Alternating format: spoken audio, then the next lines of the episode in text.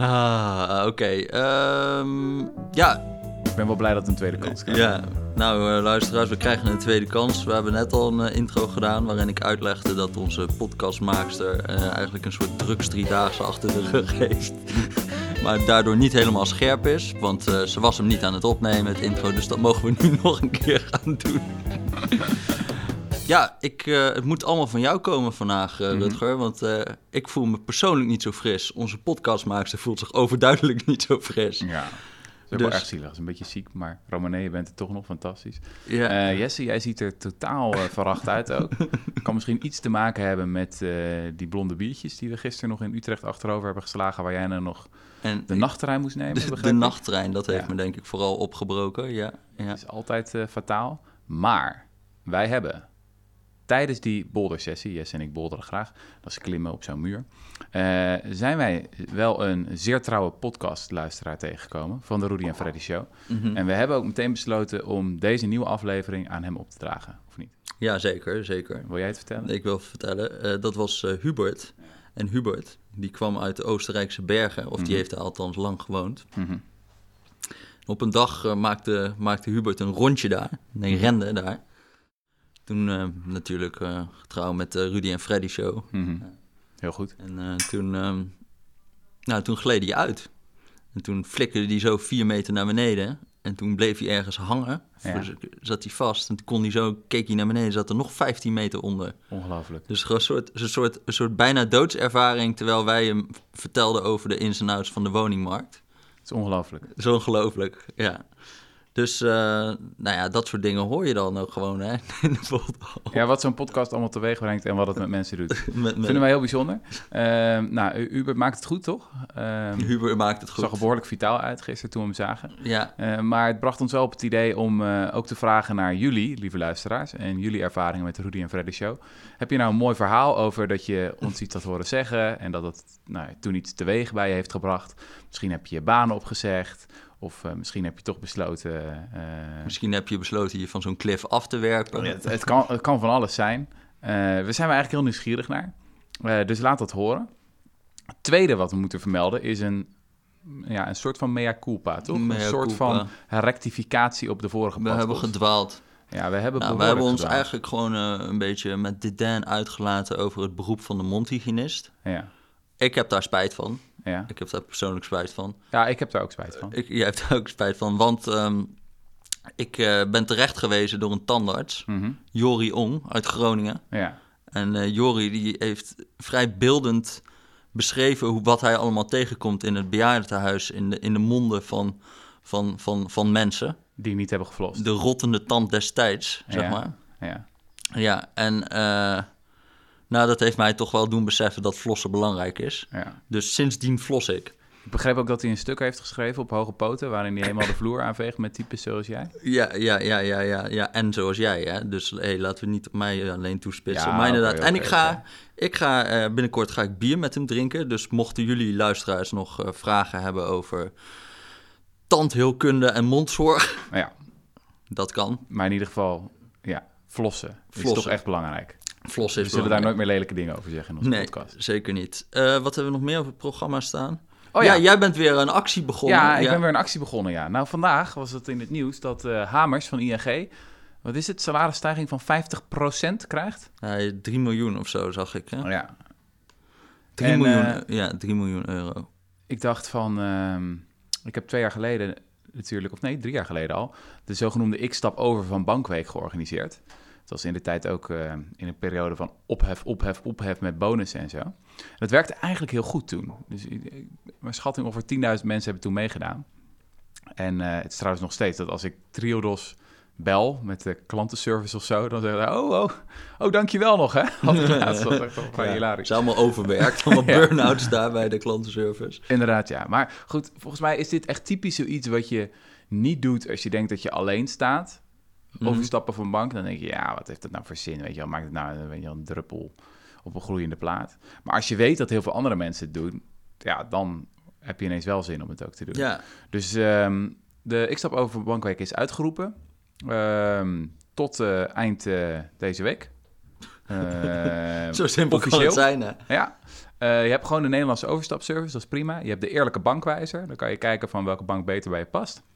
Wordt op allerlei verschillende categorieën, weet je, van dierenwelzijn tot speculatie in de financiële sector, noem maar, maar op. Wordt er gecheckt, uh, wapenhandel, dat soort thema's. Uh, en dan kan je kijken wat het best bij je past. De meeste mensen komen uit bij Triodos of ANZN of zo. Ja. Dat is een beetje, dus uh, doe mee. Doe mee, oké. Nou, leuk. En dan komen we denk ik bij het echte onderwerp van deze podcast. Ja. Want Rutger, je hebt een paar schandalig lange stukken geschreven. ja. Rutger, Rutger die stuurde mij vanochtend op... ja, hier is trouwens mijn stuk... dat we even als input voor de podcast moeten gebruiken. Je moet je voorstellen, dit is een artikel wat hoofdstukken heeft.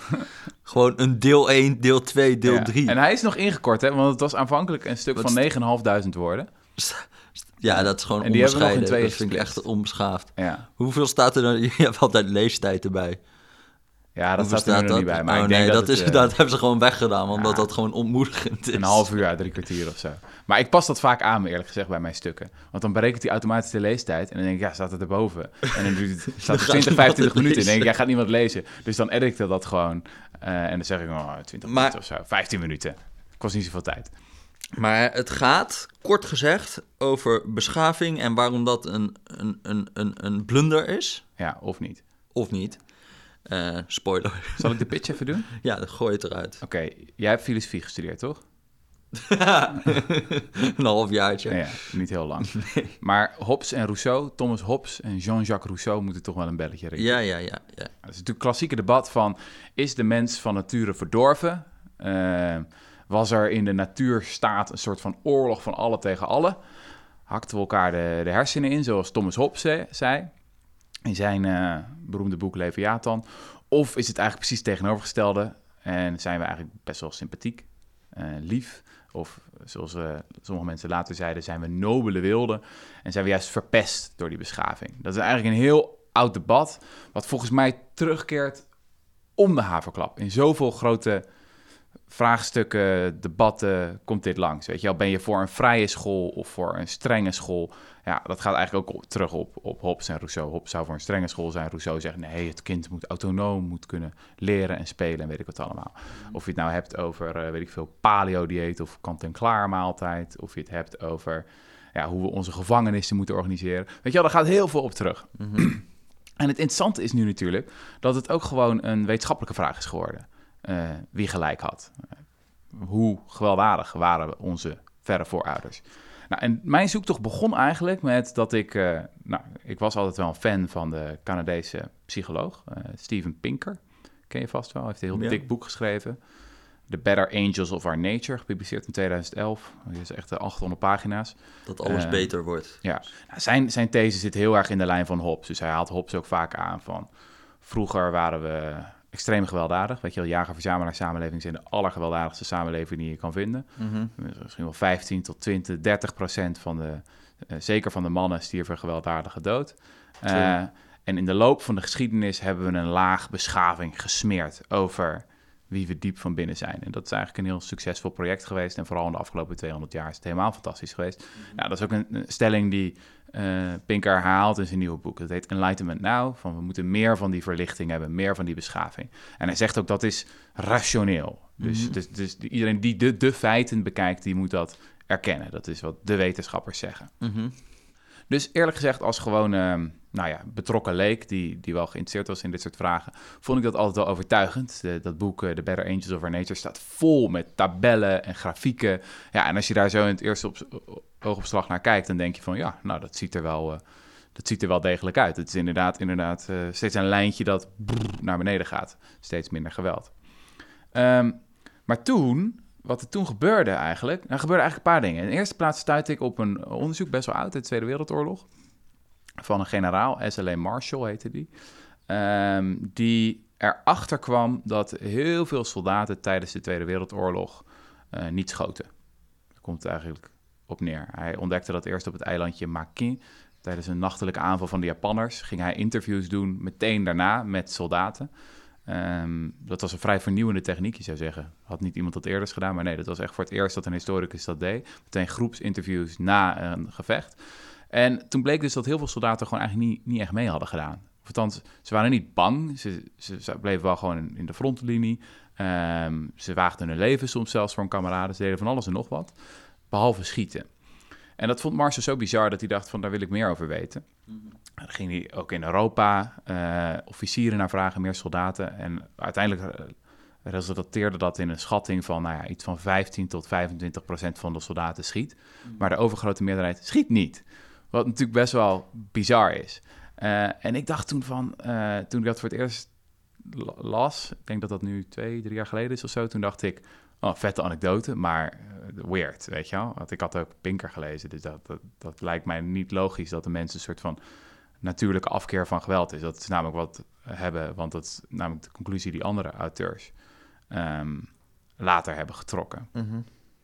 Totdat ik, um, denk nu vorig jaar of zo, het boek van uh, Robert Sapolsky las. Het is een, ja, wat is dat? Bioloog, primatoloog, hersenwetenschapper, van alles en nog wat. Het boek heet Behave. Het is echt een heel vette overzichtwerk van, wat gaat over psychologie en biologie en noem maar op. En die bespreekt dat boek van Pinker even. En dan vooral het laatste archeologische en antropologische bewijs voor de stelling dat we, nou ja, diep van binnen allemaal gewelddadige beesten zijn met een lekkere dikke laag beschaving daar gelukkig overheen. Mm. En tot mijn grote verbazing is, dat eigenlijk, is daar eigenlijk nauwelijks wetenschappelijk bewijs voor. Dus was dat vooral in de afgelopen jaren is dat helemaal ineen, ineengestort.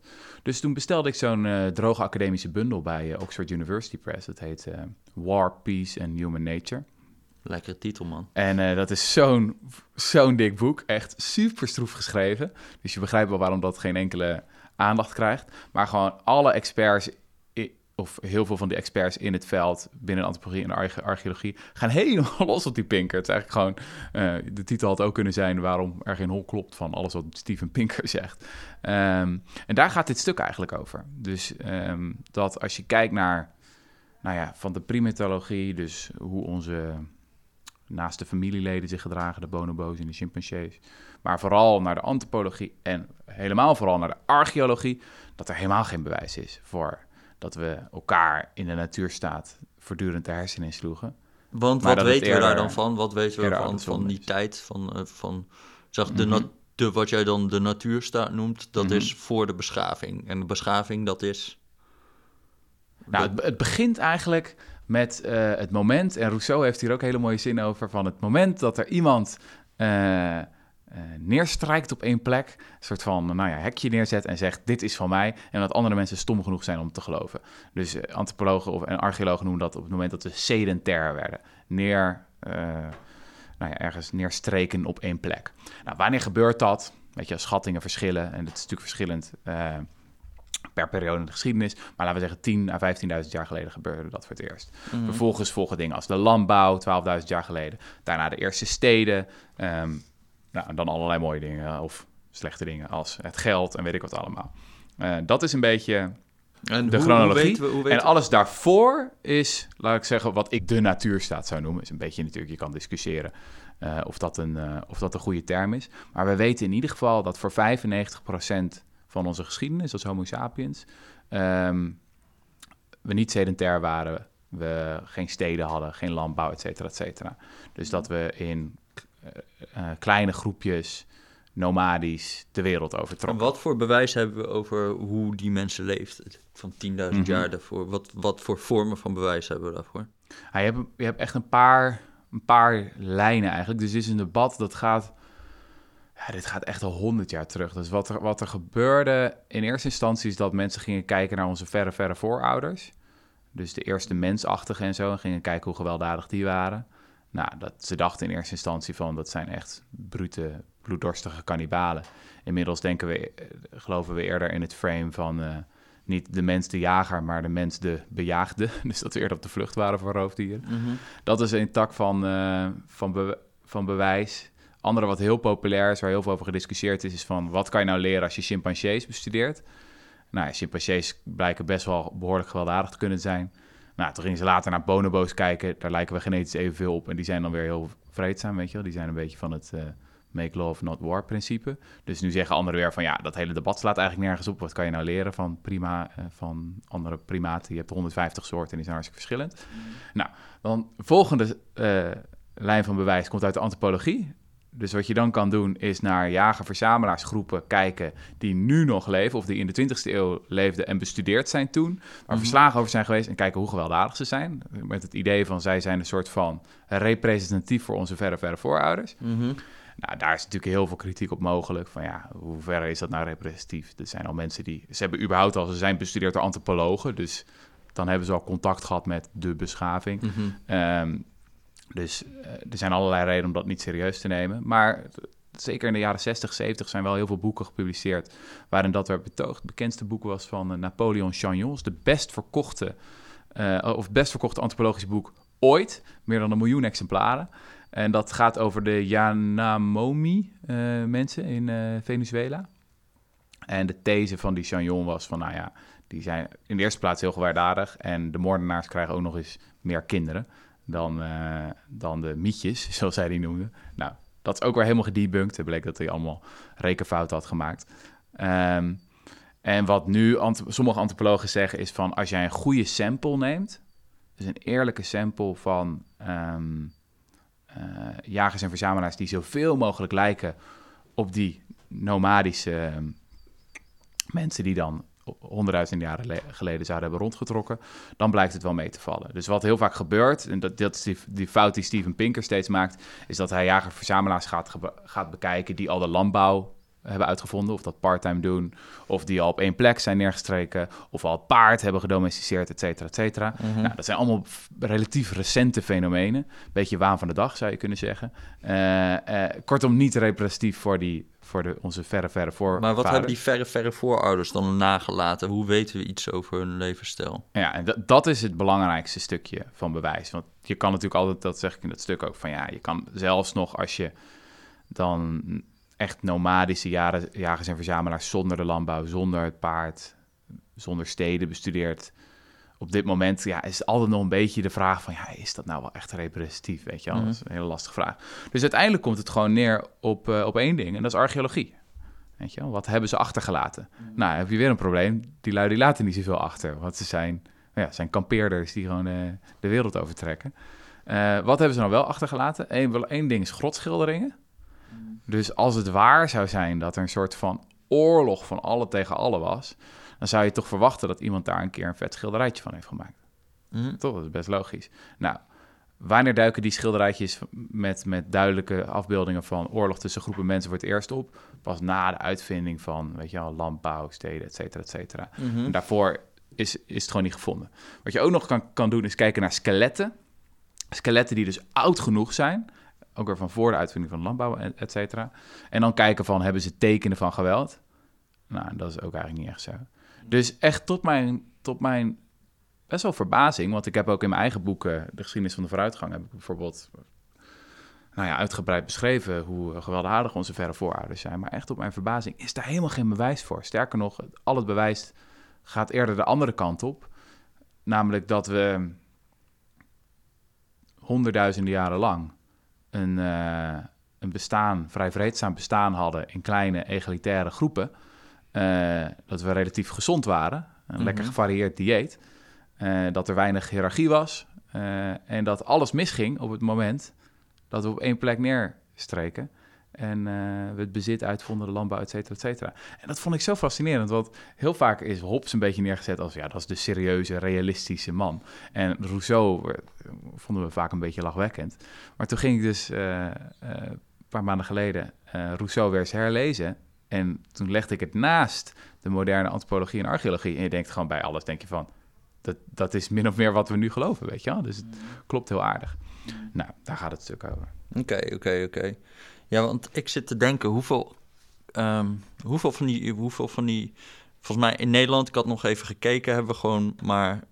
Als je 10.000 doden neemt, dan zijn er zes zijn vermoord, Mhm, zeg mhm. maar. Heb je zes moorden. Nou, dat is vrij laag, Ja, toch? Dat is echt heel laag. ja. En eh, ik weet niet hoeveel opgravingen er zijn van mensen van 10.000 jaar geleden. Maar de kans dat je überhaupt een moord gaat vinden is natuurlijk vrij klein. Ja, ja, ja. Nou, wat ze hebben gedaan... Het is vooral die- dus dat ze niks vinden. Maar Ja. dat hoeft natuurlijk nog niet te betekenen dat het niet gebeurde, zeg maar. Ja. Nou, Jonathan Haas was een archeoloog. Die heeft een artikel in die bundel die ik net noemde. En zijn stelling daar is van... Oké, het eerste wat je moet doen is kijken naar alle archeologische opgravingen die oud genoeg zijn. Mhm. Dus weer van voor al die, al die uitvindingen, voor van de komst van de beschaving. En dan heb je het over ongeveer 3000 skeletten. Mhm. Nou, als het waar is, wat Steven Pinker zegt, van we hakten elkaar helemaal eh, de hersenen in en het is Mhm. 15, 20, 30 procent. Ja, dan moeten we toch behoorlijk wat van die skeletten. 3000 is toch een aardig grote sample. We Mhm. moeten toch tekenen van geweld vertonen. En dat is niet zo. Het is gewoon echt maar een fractie daarvan. Mhm. Weet ik veel, een procent of nog minder of zo. Ja. Ehm, dus dat is, vind ik wel vrij maar als overtuigend het procent is, dat is nog steeds 20 keer meer dan in Nederland, zeg maar. In, Nu. in het moderne Nederland nu, ja. Maar mondiaal is de, het moordcijfer is nu 1, nog wat procent of Ah, zo. ja. Dus dat is het ding. Kijk, wat er gebeurt is dat we leven nu in een heel vreedzame tijd, relatief gezien. Je kan wel echt, eh, nou ja, als je een beetje uitzoomt wereldhistorisch, is het misschien een korte blip. Want het begin van de eerste helft van de 20e eeuw was niet bepaald vreedzaam eh, te noemen. Mhm. Ehm, maar als we het over beschaving hebben, dan denken we vaak van: oké, er is een soort van opmars geweest of zo. Weet je, elke keer kwam er een nieuwe mooie technologie bij. Eerst de landbouw en dan het schrift Mhm. en dan geld, het, weet weet je, het wiel, et cetera, et cetera. En stapje voor stapje is het leven steeds iets beter geworden. Mhm. En steeds iets beschaver, iets slimmer, iets rationeler geworden. Maar het beeld wat uit dit soort boeken blijkt, van moderne archeologen en antropologen, eh, ook van een nieuw boek van onze grote held James C. Scott, Mhm. eh, die, eh, die, die, die gooit alles op zijn kop. Mhm. Dus het beeld wat je dan krijgt is van, oké, het leven was eigenlijk prima, best wel aangenaam als nomadische jagers en verzamelaars. Egalitair, gezond, korte werkweek, et cetera. Dan gaat alles helemaal naar de pleuris.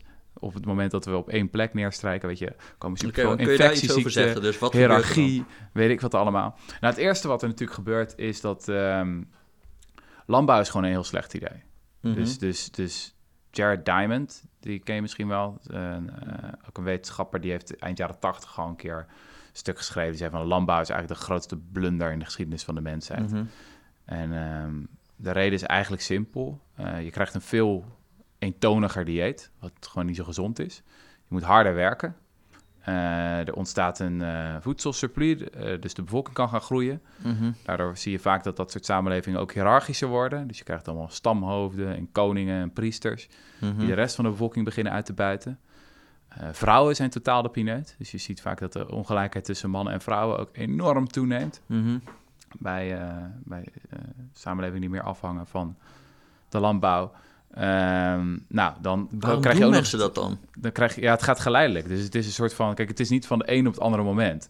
James C. Scott Dus niet heeft- zoals Rousseau zegt, dat iemand zet een hekje neer. Nee, nee, nee, dat is natuurlijk het meta, een metafoor. Ik heb wel eens Maar- iets gelezen over het ontstaan van geld en zo. Ja. En dat ze dachten dat dat iets te maken had met... ehm, ehm, dus dat er een soort religie ontstaat. Ja, En dat je dan op een gegeven moment een soort priesterskasten krijgt. ja, En die moet je dan gaan betalen voor... Of die geven jou, zeg maar, eh, wat we dan geld noemen...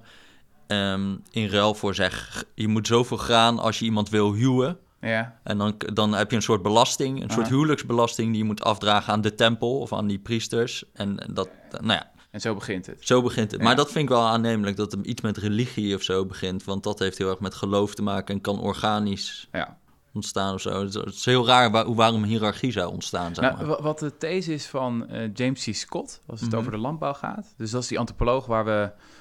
We hebben hem eerder genoemd eh, in het kader van zijn boek Seeing Like a State. dat is nog steeds een van mijn favoriete boeken ooit. Maar dit is dus zijn nieuwste boek, heet Against the Grain.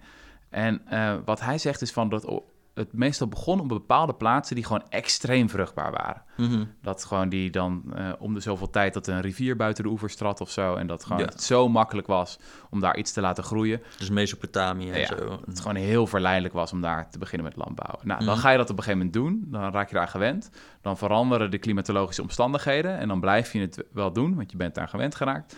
Ehm, en dan zit je eigenlijk vast in de, in de val, zeg maar. Of je bent bepaalde manier ja, Ja. daaraan, daaraan vast. En als ik het goed begrijp van dat boek, daarom heet het Against the Grain... Ja, is dat je dus ook eh, bepaalde, eh, bepaalde granen hebt of zo... die Ja. veel meer voor staatsvorming le- lenen. Dus je hebt van die, eh, nou ja, aardappelen en zo zijn eigenlijk slecht voor staatsvorming... Ja, want die zitten onder de grond. staat en zo, ja. Ja, ca- cassave, en dat, want dat zit onder de grond en het eh, oogst niet op het ge- te- tegelijkertijd, Ja. zeg maar. Dus je kan niet als staat, kan er geen belastingman langskomen en zeggen, deze oogst is nu van mij. Terwijl dingen als rijst, eh, mais, gewoon granen, tarwes, dat heeft, leent zich wel allemaal heel goed voor belastingen. En dat is super fascinerend als je Ja, erover na gaat denken. Dat gewoon al die eerste staten zijn allemaal graanstaten. En de reden is omdat je graan makkelijker kan belasten. Kortom, je kan makkelijker mensen die graan verbouwen uitbuiten. Ja, En die eerste steden, de meeste daarvan, zijn ook gewoon echt allemaal een hel om in te leven. Eh, dat, dat, dat is zo fascinerend. Dat had ik me nooit gerealiseerd. Weet en je? zie je dan niet Als dat je- mensen je- vluchten ook gewoon? Absoluut, ja. Nee, kijk, als je Risk speelt of gewend bent aan dat soort spelletjes, dan denk je van, oké, in de wereldgeschiedenis, als je machtig wil worden, dan moet je land veroveren, weet je? Of als je Civilization speelt, Mhm. computerspel waar ik vroeger verslaafd aan was. Ja, misschien ik ook, man. Ja. Veel van geleerd. Ja, dan denk je land veroveren. Mhm. Ehm, het is veel waarschijnlijker, denken archeologen nu, dat de, de, de strijd veel meer ging over mensen. Gewoon zoveel mogelijk mensen bij elkaar krijgen. En dat ja, zie je ook wel in de oud-testamentische verhalen, dat dan, ehm, weet je wel, een hele bevolking werd gekidnapt en ergens anders naartoe werd gebracht, waar ze dan als slaven moesten werken. Ja. Ehm, waarom is dat no- nog meer een ramp? het is niet Het dat Mozes hem ook gewoon nokt, toch? Die heeft er helemaal geen zin meer in. En die hele Egyptische, toch? Of ik ken, zij- ken ik mijn Bijbel nu niet goed. Maar die, die, die, die Bijbel zit vol gewoon? met dat soort verhalen. Gewoon de hele tijd van eh, eh, Weg Ja. van de stad. mensen die de, die, die de pineut zijn op dat vlak. Ehm, maar wat er dan dus gebeurt is in de eerste plaats... oké, die steden, dat worden een soort van petrischalen... voor de ontwikkeling van infectieziekten. Weet je, je gaat met z'n allen bij elkaar wonen...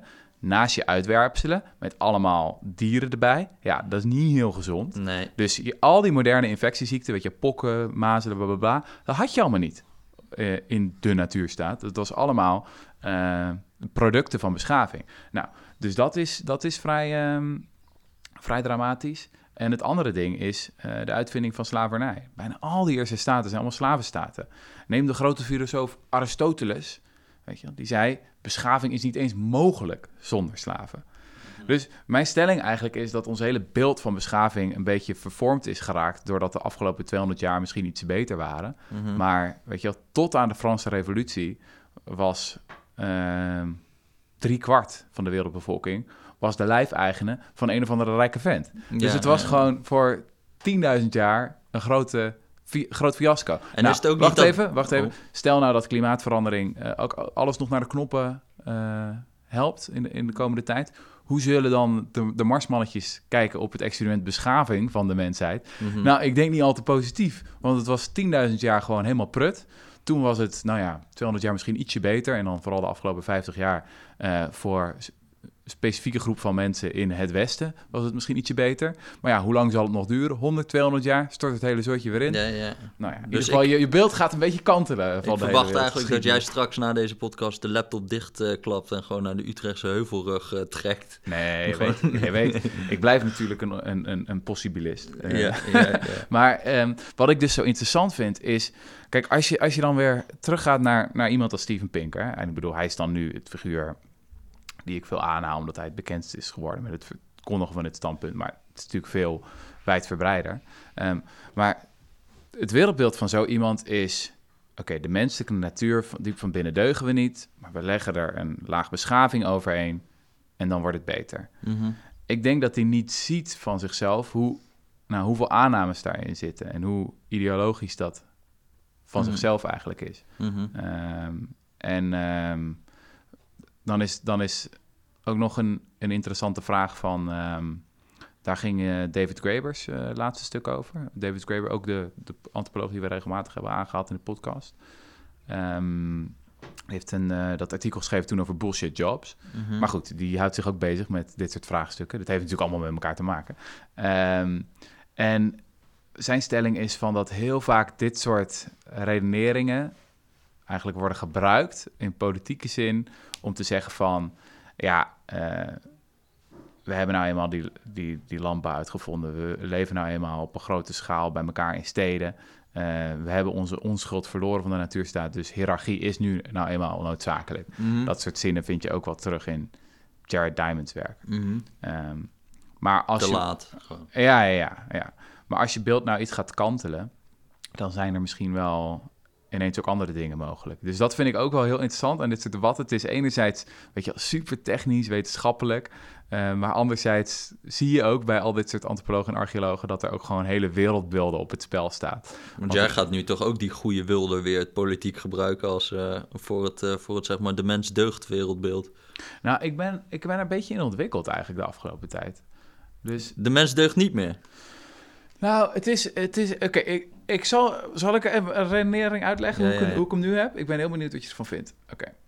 Dus mijn stelling is, mensen zijn van nature helemaal niks. Weet je wel? We ku- kunnen van alles worden in ieder geval. In verschillende omstandigheden, verschillende contexten zijn we tot van alles toe in staat. Mhm. Ik denk dat dat redelijk oncontroversieel is.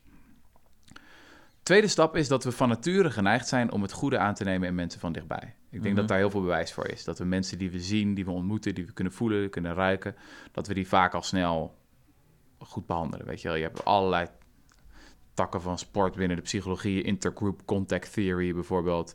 Nou ja, dat soort dingen als van eh, zo'n generaal SLA Marshall die erachter komt dat we het heel moeilijk vinden om eh, iemand neer te schieten als we die eh, in de ogen kijken.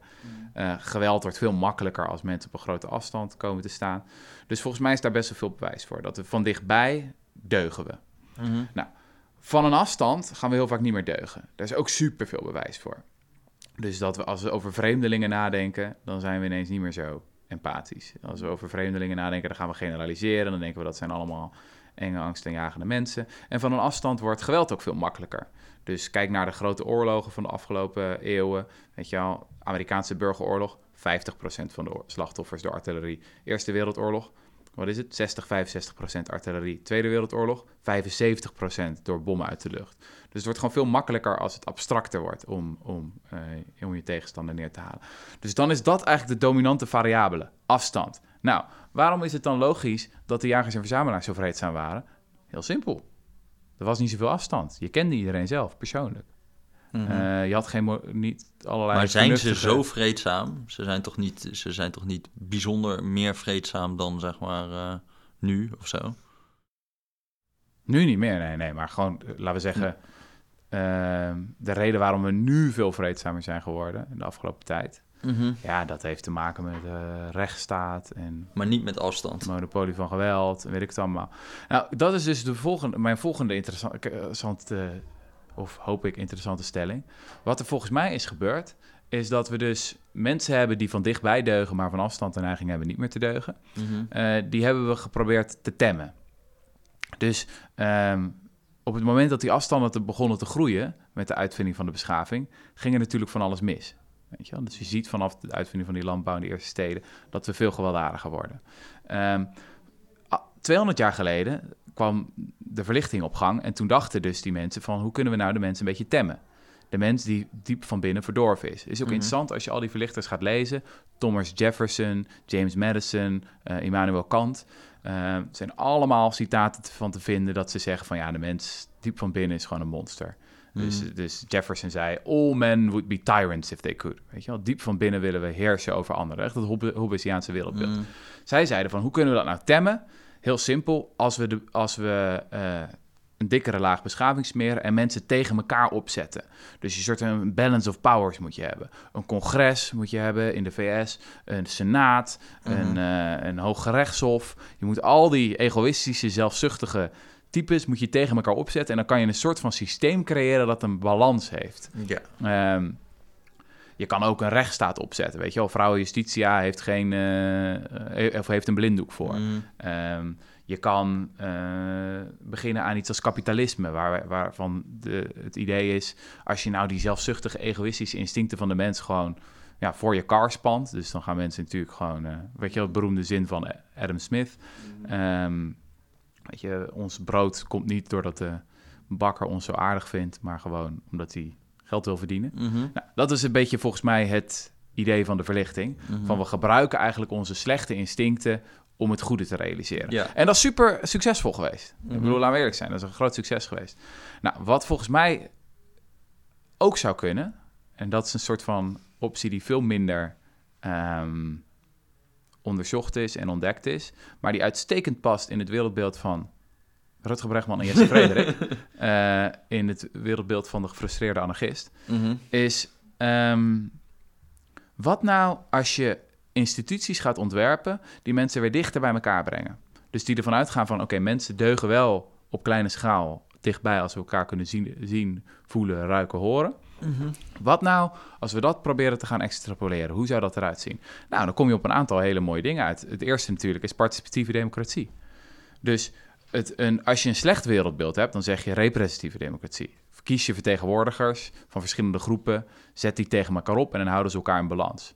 Als je een positiever wereldbeeld hebt, eh, neem, neem eens een boekje van eh, eh, David van Rijbroek tegen verkiezingen.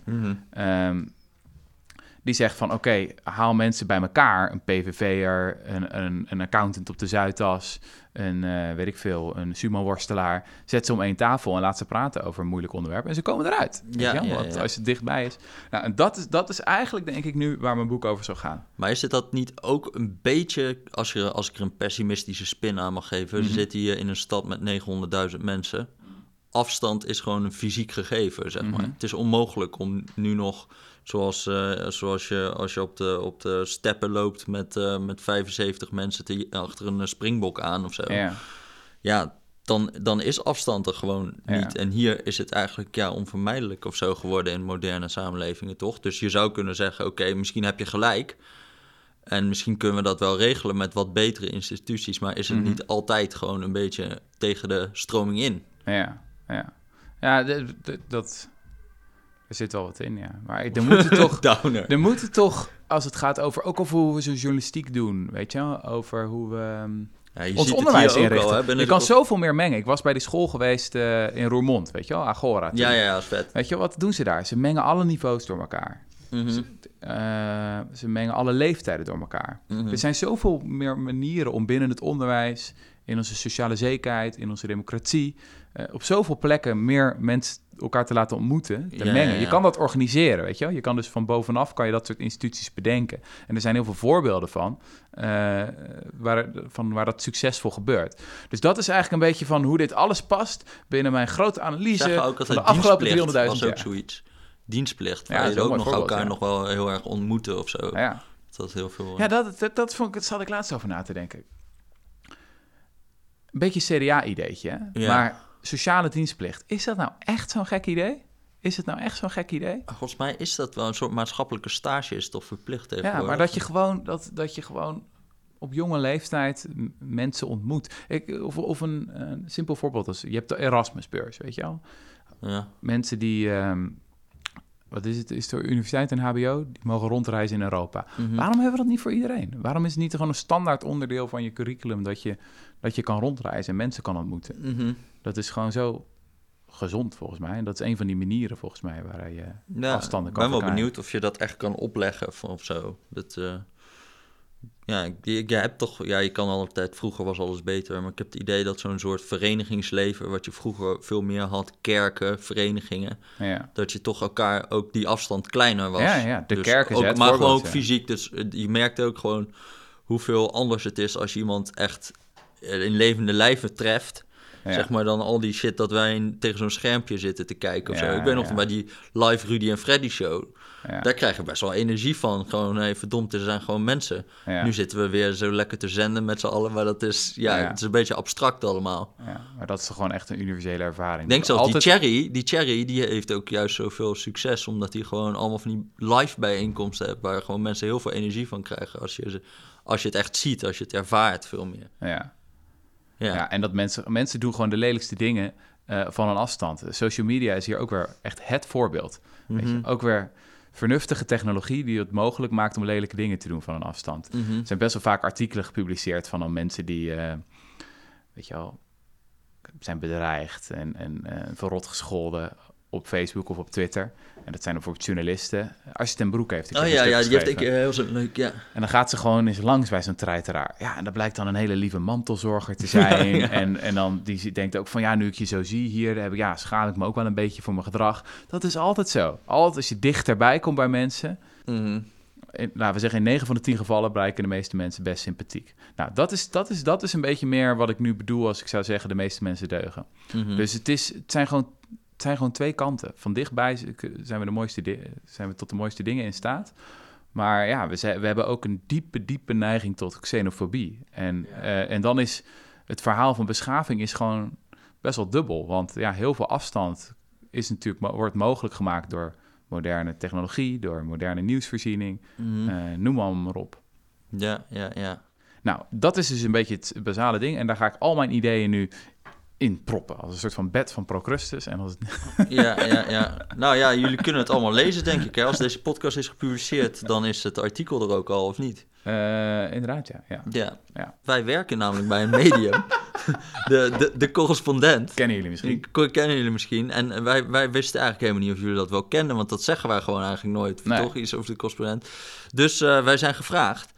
eh, ja, word daar lid van, toch? Precies, ja. Precies. Ja. Want, en laat ons groeien tot voorbij de 75, zodat wij ook elkaar de kop in kunnen gaan slaan, omdat we te groot zijn geworden.